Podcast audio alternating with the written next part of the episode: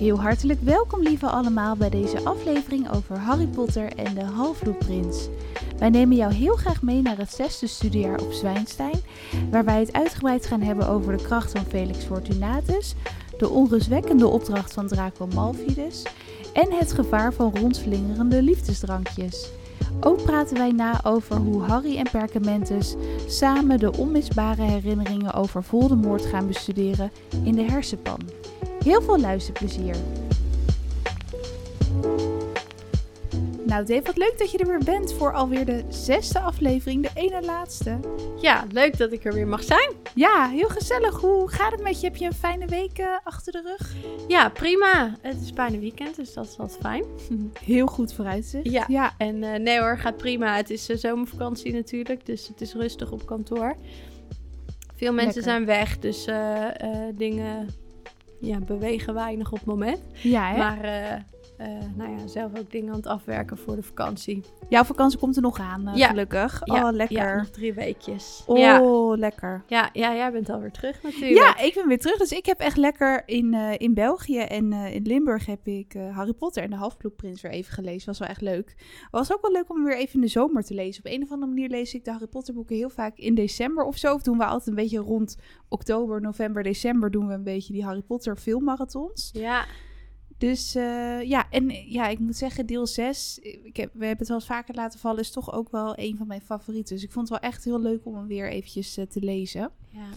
En uh, ja, we hebben dus ook een beetje gewacht met weer een aflevering. Want we dachten, ja, deel 6 en dan alweer deel 7. Dan zijn we er al doorheen. Maar goed, wie weet kunnen we nog wel een uh, aflevering bedenken over uh, iets anders wat met Harry Potter te maken heeft. Ja. Of gewoon een ander boek. over Beedle the Bard. Ja. Of, oh ja, ja, ja, die heb je ook nog natuurlijk. Cursed Child. Ja, cur ja, eigenlijk moeten we die ook wel doen, inderdaad. Ja. Want ja, deel 6, we zijn de vorige keer uh, geëindigd, ja, uh, de Orde van de Phoenix. En dat was een wat duistere boek, uh, vonden we allebei. En eindigde ook nogal heftig en tragisch met Oh, de dood van Sirius. en nou ja, de ruzie met Perkamentus en Harry. En ja, het, het eindigde gewoon allemaal niet zo vrolijk. En, en hoe vond jij het begin van dit boek? Had jij een heel ander gevoel toen je deel 6 las in vergelijking met deel 5 en de voorgaande boeken? Uh, ja.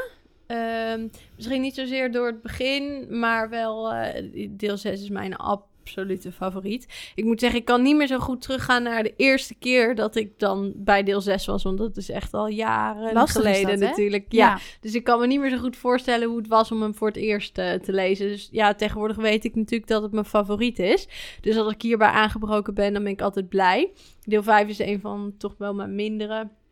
En uh, dus ik vind het dan eigenlijk altijd leuk als ik die af heb en dan deze, aan deze mag beginnen. Want uh, ja, ik vind dit, dit is mijn uh, absolute favoriet. Ja, hè? ja ik ja. ben ook heel, heel benieuwd waarom. Er zitten ook heel veel verschillende dingen in het boek. Maar ja, we gaan zo lekker echt hebben over hoe positief we zijn. Iets positiever dan deel 5. Ja. En um, ja, een van de dingen die me ook best wel opviel... en ik ben benieuwd wat jij vindt... Perkamentus komt gewoon heel veel terug in deel 6. Ja, dat klopt. Dat is echt een main character. Ja. Die leren we echt beter, beter kennen. En hij uh, haalt ook Harry op bij de Duffelingen om uh, ja, een belangrijke klus te klaren. Ze gaan dan langs Slakhoorn. En ja, ik weet niet, die band tussen hem en Harry, uh, die, die, ik weet niet. Ik heb het gevoel dat hij wat meer gestalte krijgt of zo. Ja, nou, daar ben ik het ook wel mee eens. Ik denk, volgens mij ergens in het boek zegt Harry ook, of geeft hij toe aan de minister van toverkunst, dat hij echt, nou ja, bij Dumbledore hoort, zeg maar. Dat hij echt door en door loyaal is. En, nou ja, deels komt dat ook wel, denk ik, uit deel 5 al. Want hè, Dumbledore is natuurlijk een van de weinigen die achter hem blijft staan op het moment dat hij het echt heel moeilijk heeft. Ondanks dat hij eigenlijk zich iedere keer afwendt. Maar aan het einde ja. hè, lijkt dat toch uh, uit een goede plek te komen. Um, maar in deel 6 uh, versterkt die band ontzettend. En, uh, en dan begrijp je ook steeds meer, ook in het volgende boek, waar echt die loyaliteit vandaan komt. Dat ze elkaar beter beginnen te begrijpen, meer tijd met elkaar besteden. En ja, nou, en ik ben dol Perkamentus hoor, wat dat betreft. Ik bedoel, hij heeft uh, een hoop flaws, maar het blijft Ja. een leuk karakter. Ja. We waren vooral in de eerste boek een beetje soms over Perkament van... oh, waarom ziet hij dit niet en waarom heeft hij hier niet ingegrepen? Maar in dit boek ehm, zie je best wel veel van zijn genialiteit en waarom die zo'n ja, krachtige tovenaar is. En ook de scène die je net beschreef tussen uh, Schobbeljak en, en Harry, dat hij inderdaad zegt, ja, ik ben echt een trouwe volgeling van Perkamentus. En dat hij dan later ook tegen Perkamentus dat zegt en dat Perkamentus dan helemaal ontroerd raakt. Dat vind ik zo, dat blijf ik zo'n mooie scène vinden.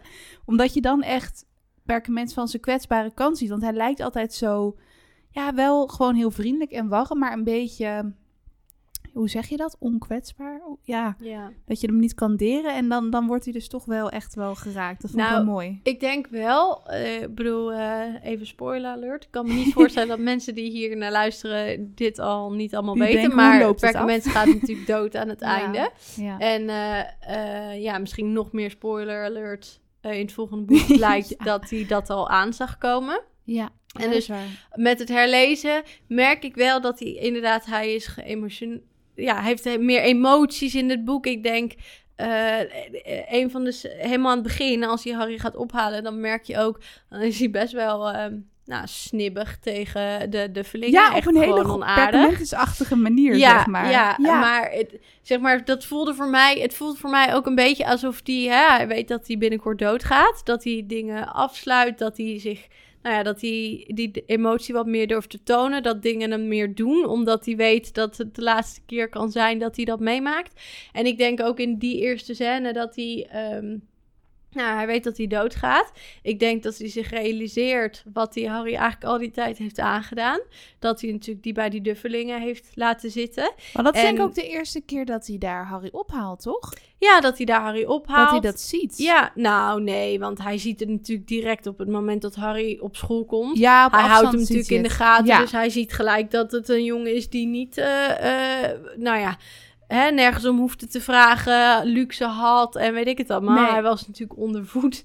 Hij, hij was een beetje socially awkward. Hij was, nou, je zag dat hij niet met liefde om zich heen was opgevoed. Ja, nee, dat is zeker waar. Dus ik denk, Perkamentus heeft het altijd geweten. Harry heeft natuurlijk ook wel eens gezegd, waarom moet ik terug naar de Duffelingen? Uh, ik wil niet daar naartoe, kan ik niet bij, bij Sirius gaan wonen, weet je wel? Dus, ja. dus Perkamentus was echt wel op de hoogte van hoe die relatie zat en dat hij daar niet happy was en dat hij daar niet goed behandeld werd. En ik denk, hij heeft het altijd opzij geschoven omdat hij dacht, het is voor zijn eigen bestwil. Wat dat ook is.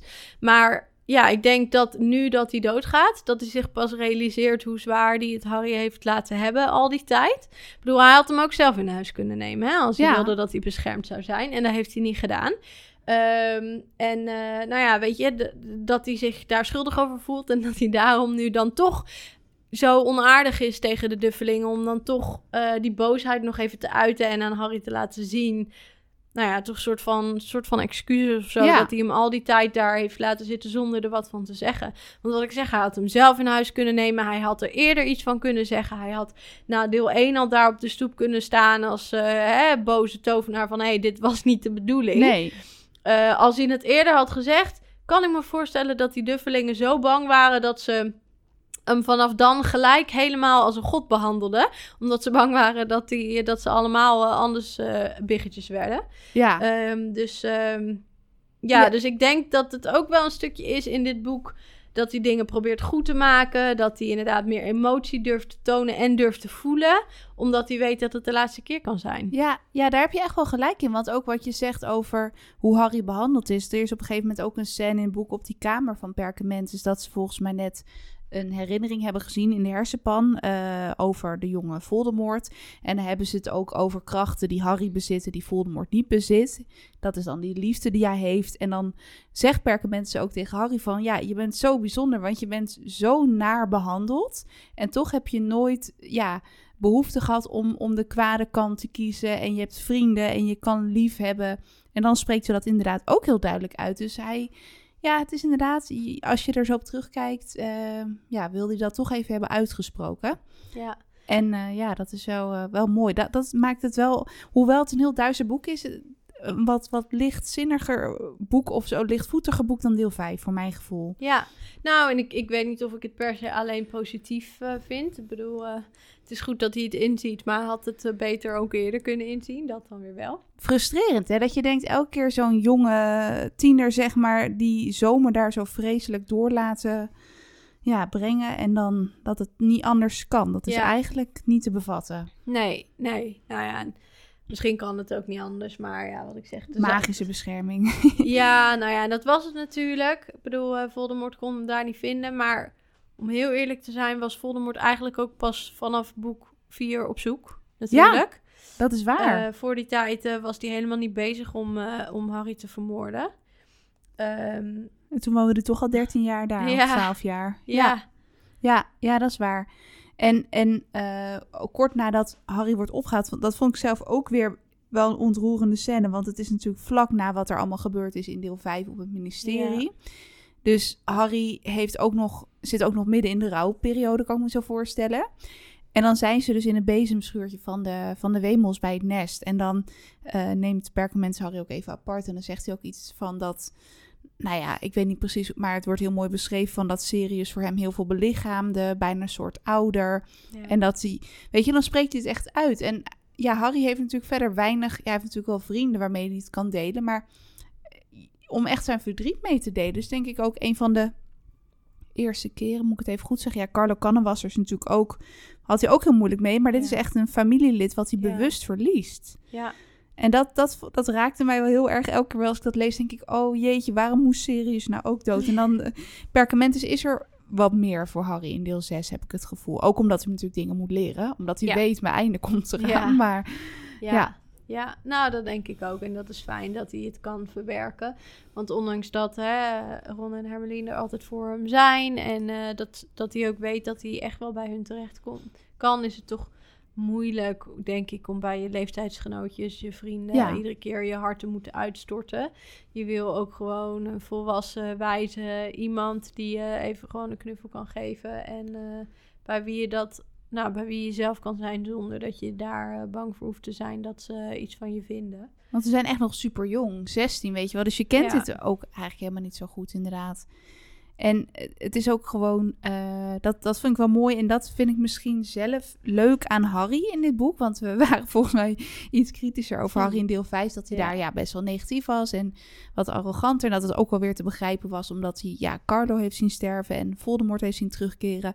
Maar hij heeft op een of andere manier, voor mijn gevoel, zo'n omslagpunt of zo gehad na de dood van Sirius. Dat hij dacht van ja, eh, en, en er worden ook steeds meer tovenaars en zo vermoord, omdat er eigenlijk een beetje ja, oorlog uitbreekt. En dan heeft hij zoiets van ja, ik moet terugvechten, want Sirius had niet gewild dat ik zo binnen bleef zitten en ik wil gewoon tegen het kwaad vechten. En dat vind ik hem wel wat krachtiger maken. Ik weet niet wat jij vindt van Harry in dit boek. Ja, veel beter. En het belangrijkste punt, denk ik, is eh, voor mij ook dat hij zich eh, meer durft open te stellen. Dat hij zich eindelijk ook steeds meer realiseert dat, hij, dat, dat Ron en Harmeline er altijd voor hem zijn. Dat hij hè, inderdaad met ze dingen durft te bespreken. Dat hij eh, volgens mij ook eerst aan Dumbledore gelijk vraagt van mag ik dit met ze delen? En dat Dumbledore ook zegt van natuurlijk ik zou niet anders van je verwachten. Ja, Eh, dat hij zich realiseert dat hij het niet alleen hoeft te doen. En eh, ik hou nooit zo van karakters die altijd alles maar alleen willen doen. Eh, het is juist heel fijn om mensen, om dingen samen te kunnen doen. En, eh, eh, dus dus dat, nou, dat, daarin vind ik hem echt een leuker karakter in dit boek. Hij is opener, hij deelt dingen, hij wil niet alles maar bij zichzelf houden. Eh, hij realiseert zich gewoon dat hij juist sterk staat omdat hij mensen in zijn hoekje heeft. ja. Waar die dingen mee kan delen, die die kan vertrouwen, die hem kunnen helpen. Dus dat, dat vind ik sterk van hem ook in dit, in dit boek. Dus absoluut heeft hij, heeft hij weer wel punten gescoord nu. En zijn liefde voor Ginny wordt een beetje Ja, ontwikkeld. Ik ben wel benieuwd wat je daarvan vindt. Ja, hoe dat opgebouwd werd en dergelijke.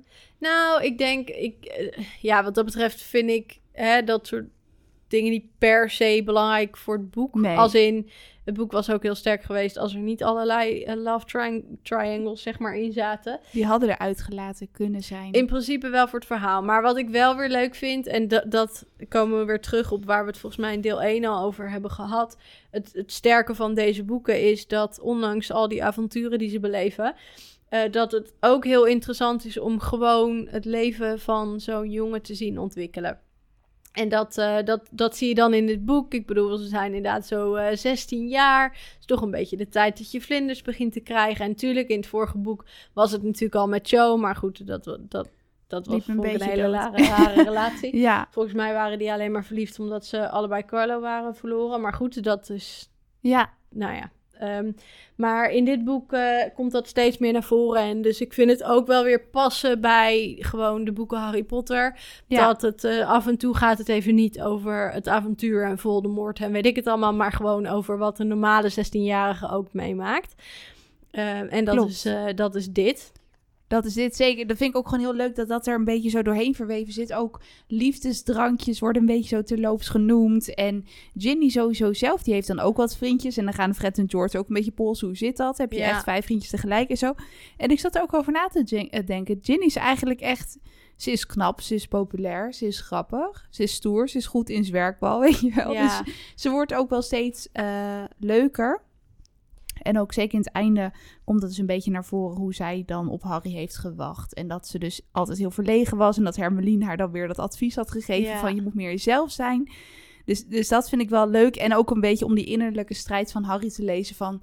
Ja, eigenlijk ben ik heel gek op Ginny, maar ja, het is de zus van mijn beste vriend. En als, ja, dus...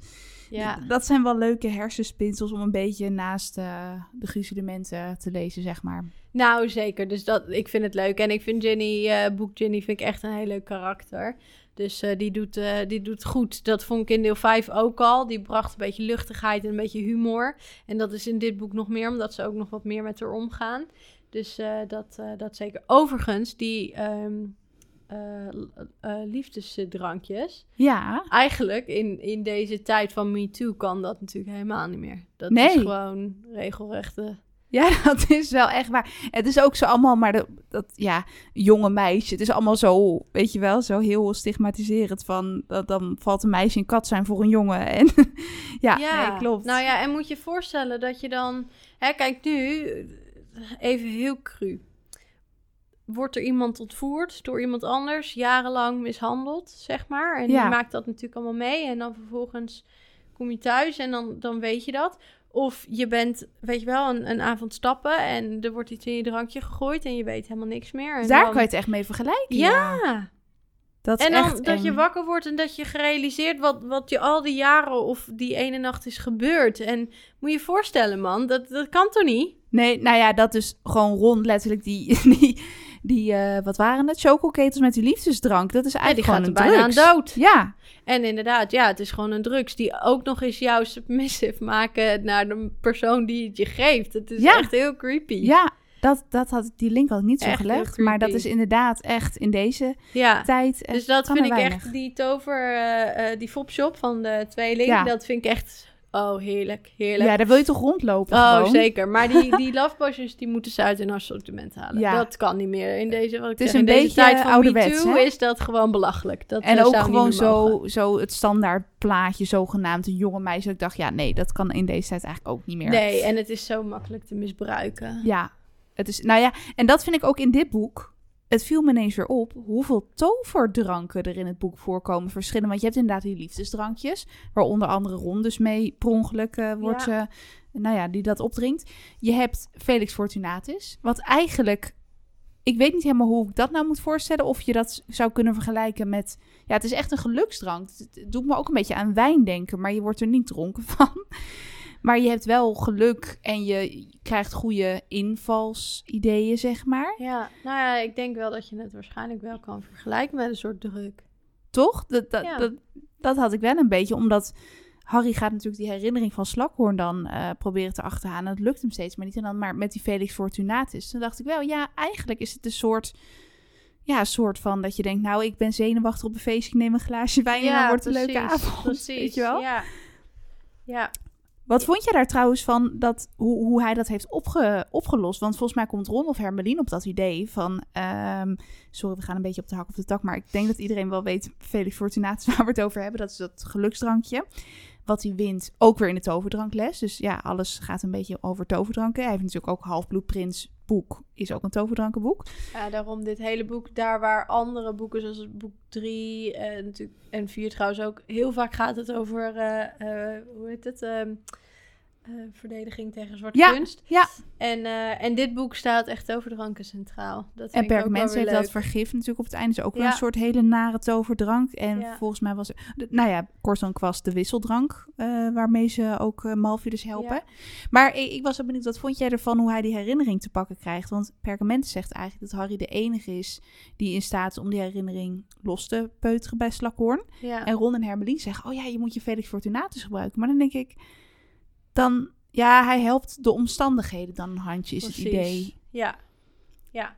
Want hij wist gewoon echt niet hoe, hoe hij het moest doen. En hij had gewoon een klein stemmetje in zijn achterhoofd nodig. Die hem gewoon lieten inzien waarom hij de enige is. Want dat vind ik, en dat is het hele boek. Dat Perkamentus is gewoon niet de type die gewoon tegen Harry zou zeggen... Jij bent de enige die dit drankje kan krijgen. Of die die herinnering kan krijgen. Want dit is de reden, Nee. dus dat moet je gaan Dat doet gebruiken. Perkament niet. Nee, en dat is natuurlijk het hele boek. Hij, hij laat hè, Harry de Voldemort helemaal begrijpen. Of ja, Voldemort begrijpen. Eh, eh, en, maar hij vertelt hem niet waarom. Hij, hij wil echt dat iemand zelf tot een conclusie Ja. komt. Ehm, en, eh, en dat zie je dan met dit drankje ook. Ha- Harry snapt gewoon volgens mij niet zo goed waarom hij de enige is die dat kan. En het wordt ook natuurlijk hè, pas een beetje duidelijk eh, eh, hoe erg Slakhoorn om Lily gaf. Ja. Hè, dat, dat soort informatie, ja, dat zal Perkamentus misschien hebben gehad. Maar Harry niet. Dus die moest op de een of andere manier weten uit te zoeken... waar is de snaar die, die ik moet raken... Ja, Om te zorgen dat ik die- ja. die eh, ehm, gedachten krijgt. Dus eh, op zich vind ik het eigenlijk wel slim dat ze gewoon dacht: oké, wat je nodig hebt is gewoon een beetje geluk. Dat je in één keer de goede snaar eh, aanraakt. Eh, en, eh, en dat dit dan de manier is waarop. Ik vond het wel een goede. Want het is ook zo belangrijk dat hij dat natuurlijk krijgt. En hij, hij duwt het iedere keer een beetje onder de mat. Omdat hij geen Ja. zin heeft. Omdat hij gewoon niet weet hoe hij het aan moet pakken. Uitzelgedrag. Precies. Ja. En dan, ja, als inderdaad dan het idee komt, gebruik dat drankje, dan begint hij ineens van, oh, ja, misschien wel. Misschien is het gewoon zo simpel. Ehm, en dan valt alles natuurlijk op zijn plek. Ja, ja, dan valt alles al op zijn op plek. Daarom ook wel heel leuk dat, dat Slakhoorn in het boek is geïntroduceerd. Omdat hij dus blijkbaar echt wel een belangrijke sleutelrol heeft gespeeld. Aan de andere kant dacht ik wel, ja, Perkament... Het, het was een hele belangrijke herinnering, omdat het natuurlijk de vermoedens van Perkament Ja. bevestigt. Maar hij had al heel veel ideeën en heel veel onderzocht over die gruzelementen. Ja, dat ik ook denk, hoe kom je erop om die gruzelementen zo, om dat helemaal te bedenken? En, en ehm, dat is ook wel uniek aan het boek, dat je dus inderdaad helemaal teruggaat naar die kindertijd van Voldemort. En Ja. dat vonden wij volgens mij allebei een beetje manco aan de film. Dat zit Ja. daar niet echt in, hè? terwijl dat is, dat is waar het hele boek om draait. Ja, Want het hele boek gaat erom dat inderdaad Perkamentus zijn, zijn legacy overdraagt op, op Harry. Of misschien is legacy niet het goede woord. Maar alles wat hij heeft gevonden over Voldemort om hem te begrijpen. Want Ja. dat is de enige manier waarop ze Voldemort kunnen, eh, eh, nou ja, kunnen afrekenen met. Voldemort. Ja. Dus dat hele boek is opgebouwd om Harry te laten begrijpen wie Voldemort is, waarom die bepaalde dingen doet en hoe die denkt. Wat ik trouwens ook eigenlijk wel weer heel mooi vind, want in boek 5 gaat er natuurlijk heel erg, struggelt Harry er heel erg mee dat hij zo op Voldemort lijkt en hè, dan aan, aan het einde eh, eh, is er alleen dan een stukje over dat hij anders is omdat hij wel kan liefhebben en Voldemort niet, maar verder Ja. wordt er vooral heel erg de gelijkenis in bestempeld. Terwijl deel 6 gaat heel erg over het verschil tussen de twee. Sure, er zitten nog steeds ge- vergelijkenis of gelijkenissen in, maar ook heel erg over het verschil. Ze zijn allebei wees natuurlijk en ze hebben daar allebei heel anders mee gedeeld. Ze zijn allebei niet heerlijk opgegroeid met veel liefde om elkaar heen of om zich heen, maar toch Harry is daar heel anders mee Ja. omgegaan dan Voldemort. En juist die splitsing tussen de twee karakters en, en dat, dat maakt dit boek heel mooi duidelijk. Bijzonder, hè? Dat dat zo anders kan lopen. Ja. ja. Ja, ja en, en dan zie je toch eh, ergens. eh, ergens zit dat volgens mij ook. Is dat Perkamentus die dat ooit een keer zegt? Dat je de keuze moet maken om het licht, licht te zien of het licht aan te zetten. Oh, wat is die quote ook alweer? Zou heel goed iets van perkament Ja, kunnen volgens zijn. mij wel. Oh, ik, ik zie hem op de muur staan ergens waar ik ben geweest. Dus Oh, het was echt zoiets van dat je in, in duisternis moet kiezen om het lampje aan te zetten. Ja. Om het licht te zien. En, ehm, en, en dat is wat Harry heeft gedaan. Eh, hè, die heeft een vervelende jeugd gehad, maar die heeft Ja. het omgezet in iets positiefs en daar zijn kracht uit gehaald. Terwijl Voldemort heeft het omgezet in haat en verderf en, en daar zijn kracht uit gehaald. En ehm, nou ja, ja, opnieuw, dat, dat vind ik heel mooi, die twee verschillende paden.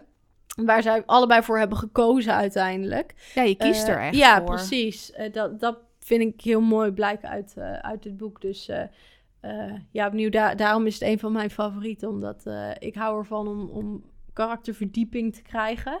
En dat is in dit boek absoluut zo. Ja, ja, met Voldemort is dat zeker zo. En het is ook eh, weer, het symboliseert ook weer een beetje de, de, de kracht en het ja, de macht van Perkament. Dat hij in staat is om echt iemand te willen begrijpen, om hem uit te schakelen. Dat hij niet alleen gaat uitzoeken hoe kan ik hem vernietigen, maar dat hij hem ook echt wil begrijpen en juist op die manier wil Ja. zien waar zijn zwakke plekken zitten. En ook omdat je dus die, die zijn moeder Merope en de Mergels, die, die leer je dus ook kennen. En dan leer je dus ook kennen dat Merope eh, Martin Vilijn senior om de tuin heeft geleid.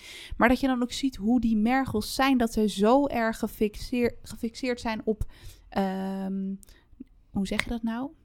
Bloedstatus, Ja. zeg maar, dat je van zuiver bloed zou zijn, zeg maar tovenaarsbloed. Dat ze daar zo op gefixeerd zijn en dat ze het, het eh, iets van eh, wapen van Zwadderig volgens mij hebben op die ring of iets hebben ze. Dat ze afstammen van de Prospers en dat soort dingen. Ja, En dat komt weer heel erg terug in Voldemorts karakter. Dus dat hij toch heel erg dat mergelachtige karakter Ja. erin heeft zitten. ja, En dus ook die eh, fascinatie voor hele bijzondere, krachtige, magische voorwerpen. Bijvoorbeeld die ring of het medaillon. En dus ook waar het bonderbloedje vandaan komt. Wat ik ook echt steeds zo pijnlijk vind om te lezen. Dat je denkt, ja, dat is ook zo'n gelijkenis met hoe er soms naar mensen misschien wel wordt gekeken. Weet je wel, dat je omdat je ergens vandaan komt, zou je minder zijn. Dat, is, gewoon dat is gewoon belachelijk. Maar dat, dat wordt dan een beetje met dat tovenaarsbloed en modderbloed. En Ja. dat vind ik wel, ja, gelukkig heel sterk aan Harry. Dat hij ook, dat hij zich daar ook heel erg voor wil inzetten. Van iedereen is gewoon gelijk. Het maakt niet uit of je dreuzelouders hebt of waar je ook vandaan komt. ja, En Voldemort is, eh, ja, exact het tegenovergestelde. Ja. Net als de mergels. ja. Ja, die hecht daar veel meer waarde aan. Dus dat is, en dat komt dus ook wel weer terug in deel 7. Het is dan, vind ik wel weer een beetje jammer dat Harry niet vraagt hoe die gruzelementen vernietigd worden. Maar ja, je kan niet overal aan denken. Dat gaat hij in deel 7 wel nee, ontdekken. nou ja, en ik denk ook juist omdat eh, natuurlijk Harry verwacht helemaal ook niet dat Perkamentus Nee. het loodje gaat leggen. En, Dat is waar. eh, en, en omdat Perkamentus alles zo opbouwend doet, alle, iedere keer kleine stapjes en wil dat Harry dingen zelf uitvindt en laat het gewoon zien en vraagt dan ook aan Harry, nou, wat denk je? Ehm, dat, dat het ook niet in Harry op zou komen om, om weer alvast naar de volgende stap Nee, te gaan. er Want komt al zoveel dat- informatie op je af ook. ja, dat. En, en het komt wel. Hij heeft natuurlijk heel veel vertrouwen in Perkament. Dus ondanks dat je soms merkt ook dat hij zich een beetje irriteert. Dat hij denkt, ja, wat zitten we nou te doen hier? Ja. Eh, iedere keer naar die eh, herinneringen kijken. En het is allemaal heel interessant. Maar ik snap niet hoe we hiermee dan Voldemort gaan eh, eh, ehm, eh, vermoorden. Of nou, in ieder geval stoppen. Stoppen. Ja. en eh, ehm, nou ja, dus, dus ik, ik kan me voorstellen dat hij heeft die irritaties wel, maar hij heeft ook volledig vertrouwen in Perkamentus. Dus hij laat hem ook gewoon een beetje zijn, zijn leerpad volgen, zeg maar. Ja.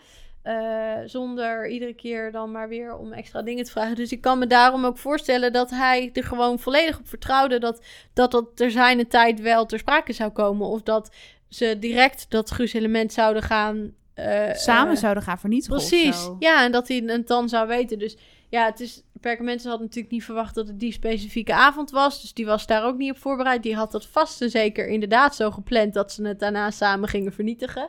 Ja. En daar is het nooit van gekomen. En Harry wist natuurlijk wel al iets eerder van die gruzelementen. Maar die was denk ik nog zo bezig met, nou ja, de eerstvolgende stap is om er één te vinden.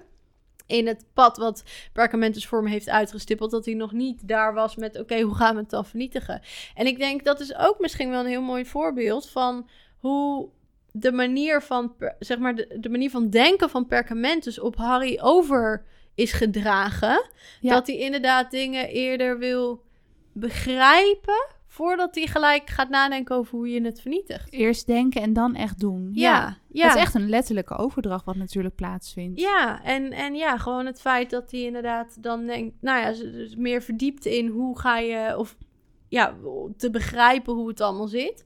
In plaats van gelijk naar de laatste stap te springen en, en te willen weten hoe gaan we daar een einde aan, uh, aan breien. En dat, ehm, nou ja, dat is juist ook hoe Perkamentus werkt natuurlijk. Ja, ja, dat neemt hij zeker wel, wel over. En hij krijgt er ook meer begrip voor. En wat je ook wel zei, hij heeft zo soms ook zijn bedenkingen of zijn kleine irritatietjes bij Perkamentus. Zeker ook ten aanzien van Snape en Malfius. Ja. Want dat speelt ook nog allemaal in het boek. Er speelt echt heel veel. Dat hij dus ook steeds vanaf het begin eigenlijk al een beetje geobsedeerd is door Malfius. Dat hij iets in zijn schild voert. Daar komt hij een beetje achter in de verdonkere maansteeg. Gaan ze hem volgen, geloof ik? Ja. En um, nou ja, op een gegeven moment gaat hij dat ook delen met, met, met Ron en Hermeline. Nou, Hermeline gaat zelfs nog die Odius en oorlogwinkel binnen. Geniaal stukje is dat ook. Dat ze keihard door de mand uh, valt. Um, maar dat wil hij dus ook delen met Perkamentus. En dat vind ik zo goed aan dit boek. Dat hij plot zo ijzersterk is. Want Perkamentus weet van alles af. Hij, nou ja, dat is ook weer een beetje spoiler. Ook weer voor deel 7 zie je dat allemaal weer terug. Mm -hmm. Maar goed. Um, hij, hij, hij doet gewoon van nee, er is niks aan de hand en ik vertrouw Snape voor de volle 100%. Nou, dat is natuurlijk ook zo. En Harry heeft echt zoiets van, maar ja, zie je het dan niet? Zie je het dan niet, yeah. weet je wel? En dat vind ik dus zo, zo schrijnend aan dit boek. Maar gelukkig weet je hoe het zit. Dat je dan, dat Snape dan dus... Um, Hem lijkt te verraden. Ja. Ja. En alles valt dan zo op zijn op plek. En ook met, met die ketting en, en die mede. En dat Snape die onbreekbare eet heeft afgelegd. En ik vind Harry daar dan wel weer zeg maar sterk in. Dat hij echt dat schouwersinstinct heeft van ik, ik ga Malfidus. Hij heeft echt iets. Uh, hij voert echt Ja. iets in zijn schild en dat wil ik stoppen. Ja. En dat hij dan denkt, waarom vertrouw- perken mensen het gewoon? Waarom gaat u de school uit en waarom houdt die Malfidus niet tegen? En eh, je hebt natuurlijk die scène op een gegeven moment op de astronomietoren. En dan, ja, dan heb je dus die scène tussen Perkamentus en Draco. En dan komt alles een beetje boven water. En dat vind ik dan wel weer sterk van Perkamentus. Dat hij dan ook nog probeert om Malfidus naar de goede kant te praten. ja, en te helpen natuurlijk. En te helpen. Ja, want dat is denk ik ook het verschil. Zeg maar, Harry heeft ook zo'n haatbril op naar Draco dat hij gewoon eigenlijk niet inziet hoe, hoe die jongen breekt. Een onrecht, ja, gewoon een onterechte haatbril inderdaad. Ja, nou, ook niet helemaal, want Draco is best wel onaardig tegen hem en is eigenlijk altijd, eh, weet je, heeft natuurlijk ook altijd dat Hij heeft wel zijn neus nog gebroken in dit boek. Nou ja, dat, maar ook gewoon... Hè, hij heeft natuurlijk ook altijd dat pure bloed nageleefd. En is altijd ja, onaardig geweest tegen Hermelien. Heeft altijd opgekeken naar die eh, eh, dooddoeners. En ja, toch ook een beetje hun pion geweest. Nou, is super trots in eerste instantie dat hij dooddoener is, nu eindelijk. En eh, dus, dus ik... Ja, weet je, wat dat betreft heeft Draco in de eerste boeken nooit iets gedaan waarmee hij die verdiende. Sympathie, Dat- ja. Precies. En eh ach, ik bedoel, later en ook in dit boek kom je erachter dat hij het misschien helemaal niet zo makkelijk eh, eh, heeft. En zeker, ja, de manier waarop hij dan uiteindelijk door Voldemort behandeld wordt. Natuurlijk, zijn vader zit in Azkaban en hij moet het oplossen om, om het goed te maken tegenover Voldemort. Die eigenlijk dreigt, als je het niet goed doet, dan, dan maak ik jou en je familie een kopje kleiner. Ja, Dus dan pas wordt hij geconfronteerd met de realiteit van het horen bij zo'n club. Waar hij ineens niet de baas is. Want op school, Hogwarts, was hij natuurlijk altijd de leider van het clubje. En Ja. nu ineens is hij een onderdaan van Voldemort. En, en wordt hem iets gevraagd wat hij eigenlijk helemaal niet kan. Ehm, en, en daar ineens krijgt hij heel veel struggles. Dus ik snap van Harry dat hij altijd een haatbril heeft gehad naar Draco. En dat is ook compleet terecht. Maar je zou toch moeten inzien hoe erg je ook iemand haat. Hoe, hoe zwaar iemand het heeft. Hoeveel En- macht Voldemort ook heeft, ja. ja, nou ja, en hij komt hem dan natuurlijk op een gegeven moment huilend tegen. En in plaats Ja. van dat hij dan inderdaad net als perkament eens een keer een luisterend oor biedt... of gewoon hè, probeert met hem te praten... vermoordt hij hem bijna. Ja, klopt. Al ging Malfidus wel Crucio tegen hem roepen. Maar toch ja, Ja, is het ja. misschien niet heel slim om een spreuk te roepen die je niet kent. Nee, dat sowieso niet. Dat sowieso niet. Maar überhaupt gewoon, ja, tuurlijk... Dat is, dat is ook niet goed van Malfidus. Maar ja, wat ik zeg, je ziet gewoon dat iemand echt, echt in de rat zit. Ja, Dat hij, eh, hij heeft dan ineens door dat hij iedere keer met de Moaning Myrtle zit. Nou, dat zegt wel heel veel over iemand, dat je daar steeds naar terug gaat. En Ja. hij ziet hem huilen en ja, om dan zoiets vijandigs te doen naar iemand. Ja, dat, dat is dan ook wel weer typerend Dat gaat weer een Harry. beetje ver. Ze zijn gewoon een beetje aardsvijanden. Ja, dat is ook zo. Ehm, maar het is wel, ja, je, je krijgt aan het einde van de, nou ja, sympathie is misschien een groot woord, maar zeker in deel 7, eh, Malfidus, ze zijn wel slecht, maar ze zijn ook weer, ja, op een gegeven moment redt volgens mij Malfidus ook een keer het leven van Harry, maar voor mij is dat dan weer in deel 7. Dus het is een beetje zo ertussenin, zeg maar. Ja. Ze willen elkaar ook weer niet echt uit de weg ruimen. nee. En hij kan perkmensen ook gewoon niet vermoorden. En, maar, maar dat vind ik dus wel weer sterk aan die plot. Dat ook bijvoorbeeld Madame Rosmerta erin zit. Dat zij dus die Imperiusvloek eh, onder de Ja. Imperiusvloek is. En van die hele kleine dingetjes. Dat ze dan bijvoorbeeld in Zwijnsveld zijn eh, in de drie bezem stelen. En dat Ron dan een beetje zo naar de bar zit te kijken.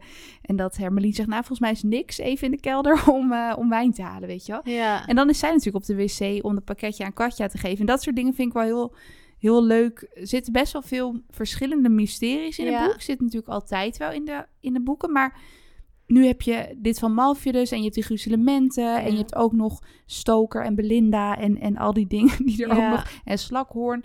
Ehm, dus, en ook bijvoorbeeld dat, dat, eh, hoe, hoe die mede dan het kasteel is binnengekomen. Dat ze dus ook weer een gesprek, um, Draco ving dan weer een gesprek op van Hermelien, dat ze Harry waarschuwde voor die liefdesdrankjes. Dat Vilder dat niet herkent, omdat Oh, dat ja. gewoon, eh, ja, eh, zeg, hoe zeg je dat, vermomd de school binnenkomt. Ja. Dus, dus ja, dat, dat, dat, dat vind ik er wel leuk aan. Ja.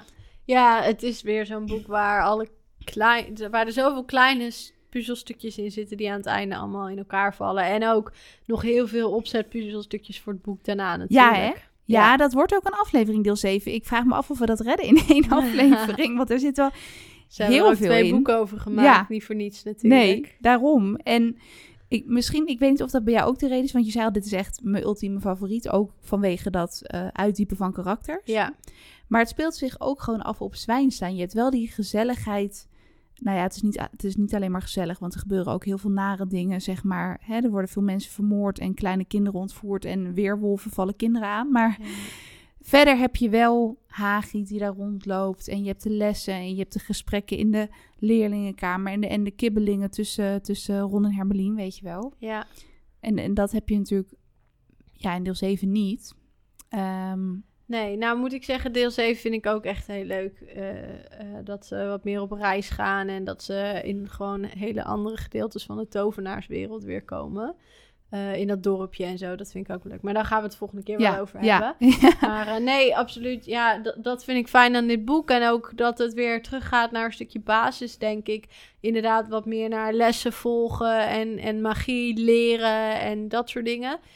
Eh, daar waar de vorige heel erg ging over Harry's struggle met zichzelf. En die daarvoor natuurlijk over dat tovenaarstoernooi. Dus je gaat hierbij weer in dit boek denk ik ook weer wat meer terug naar de basissfeer van deel 1, 2 en 3. Ja. Ehm, en eh, ik merk dat ik dat inderdaad heel leuk vind. Dat, nou ja, wat ik net ook al zei, gewoon de balans tussen aan de ene kant avontuur en magie en weet ik het allemaal. En aan de andere kant gewoon het dagelijks leven op zo'n school van, van die drie kids. eh, met een beetje kriebels in de buik, ja, verliefdheid ik en wil er gewoon bij lessen zijn. volgen. en jaloezie van wie de beste van de klas is. En eh, dus gewoon, ja.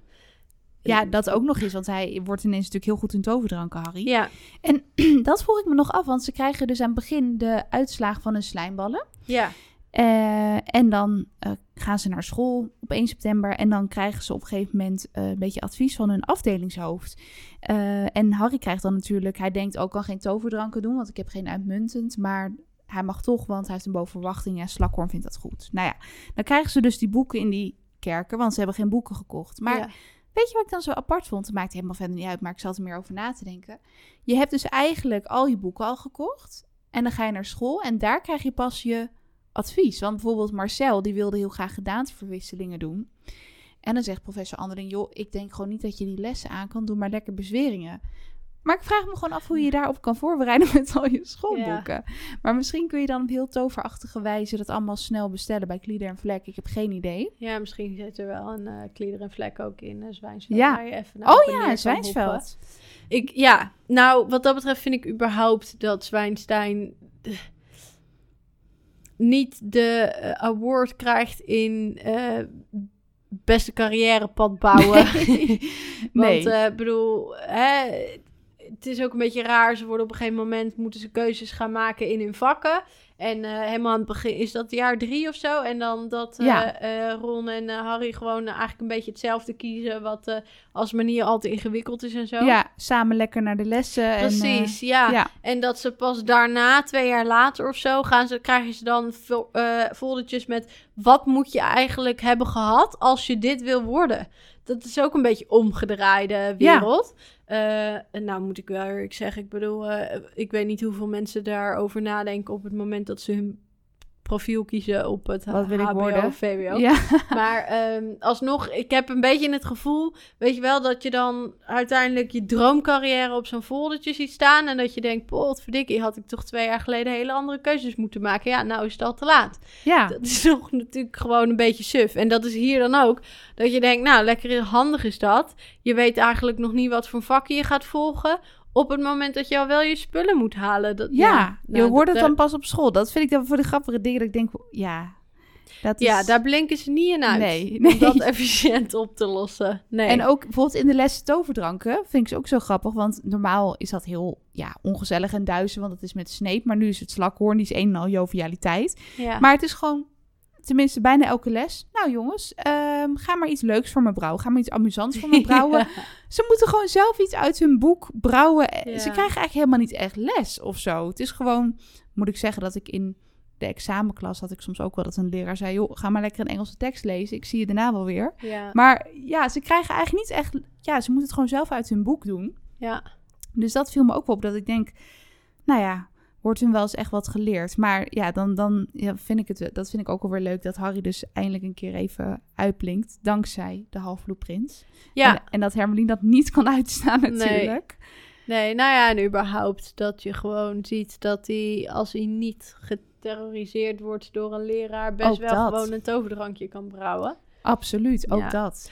Trouwens, heel iets anders. Moet Ja. ik aan eens aan denken, omdat ik het nu denk over die toverdrank brouwen. dat Marcel heeft dat ook een keer gehad. Op het moment dat Snape er niet is, dat het hem ineens wel lukt. Oh ja. Ehm, waar ik aan moest denken is in dit boek, eh, dat vind ik ook echt heel leuk. Marcel groeit echt in het boek. Hij, hij, eh, nou ja, hij wordt echt een sterkere tovenaar. En, eh, en ik denk dat dat ook te maken heeft met het feit dat hij in het vorige boek zijn, eh, de toverstok van zijn vader eh, is verloren.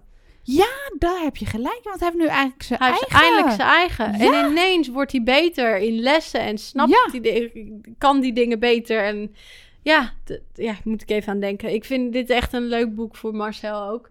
Absoluut. Inderdaad, hij, hij, hij wordt gewoon beter in dingen. Is niet meer zo het suffie van de klas. En dat gun ik Marcel. Ik vind Marcel een leuk karakter. En ik, ja, opnieuw, ik denk dat dat ook komt eh, dat, hij, eh, dat hij nu eindelijk een toverstaf heeft die ook gewoon goed voor hem werkt. Ja, want Olivander zei ook in deel 1, de, de stok kiest de tovenaar Ja. of zo.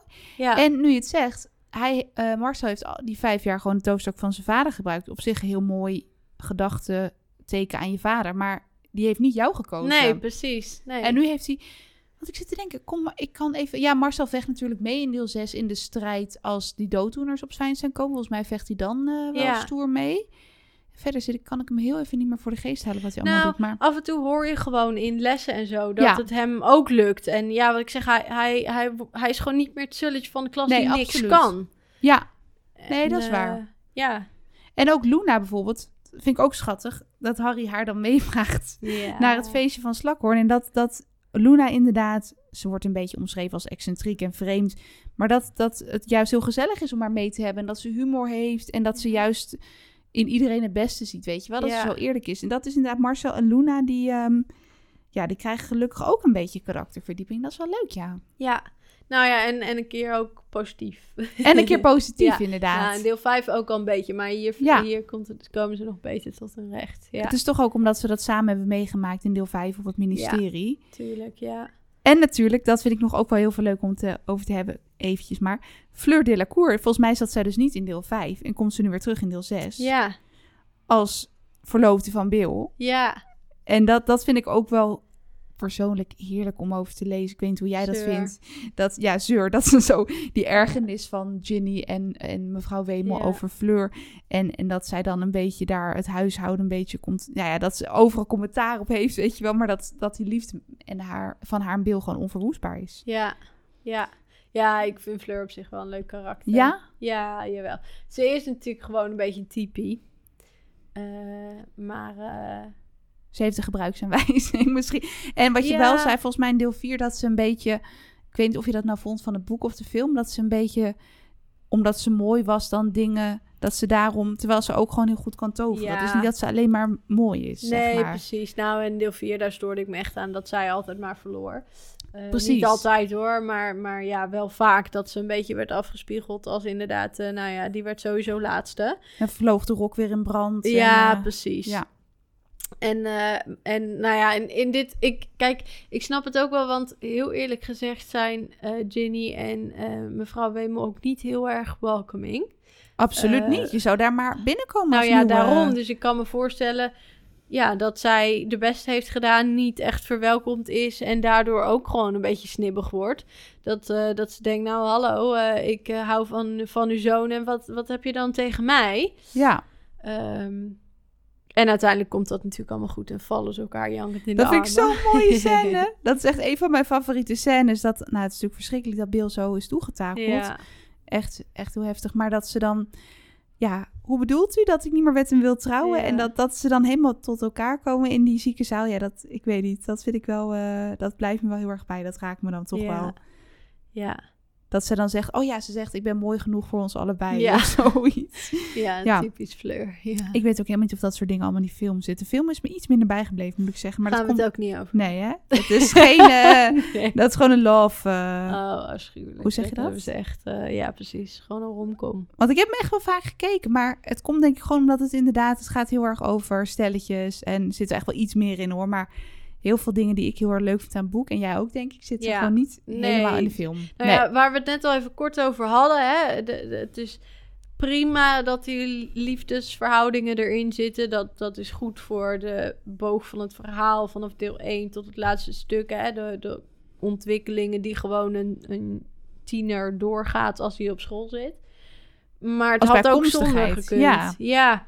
En de film is alleen maar dat. Ja, En alles wat het boek zo sterk maakt, hebben ze eruit geknipt. Dus dat... eh, geen jonge Voldemort en eh, geen Nee. hersenpan volgens mij. Nee. Nee. Dus ik kan me heel goed voorstellen als jij de boeken niet hebt gelezen en je gaat deel 7 kijken, dat je echt denkt, huh, Ja, waar komt dit vandaan? deel 6, ja. Nee, nee, als je deel 7 gaat kijken. Als die oh, gruzelementen zo. gaan zoeken Dat je zo bedoel je. Oh ja. ja.